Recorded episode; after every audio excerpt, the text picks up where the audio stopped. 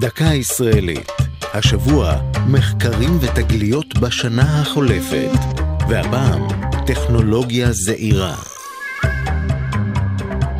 עולם המדע עוקב בסקרנות אחר התנהגות אטומים ואלקטרונים בחומר, על מנת לייעל את יכולת השליטה בהם כשהם מתמצקים למבנה גביש.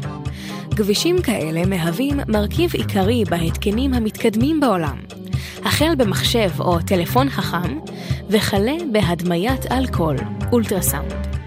נכון להיום, כל התקן מסוג זה שולט על לפחות מיליון גבישים קטנטנים, שכל אחד מהם עשוי מיליון אטומים, הממוקמים בחלוקה של 100 אטומים לגובה, לרוחב ולעובי. כדי להקטין ככל האפשר את היחידות הזעירות הללו ולייעל את שימושן כמקודדות מידע חשמלי, הביאו השנה חוקרים מאוניברסיטת תל אביב לפריצת דרך בתחום.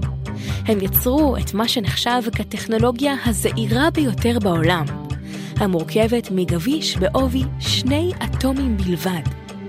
המשמעות היא שכל טלפון נייד או מחשב יוכל עקרונית להפוך מהיר יותר, יעיל יותר וקטן הרבה יותר. במהלך הניסויים במעבדת הדוקטור משה בן שלום, יצרו המדענים גביש מלאכותי חדש בעזרת שתי שכבות בעובי אטום בודד של היסודות בור וחנקן.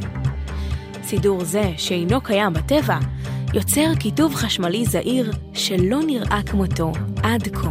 זו הייתה דקה ישראלית על מחקרים ותגליות וטכנולוגיה זעירה. כתבה יעל צ'חנובר, עורך ליאור פרידמן. הגישה עדן לוי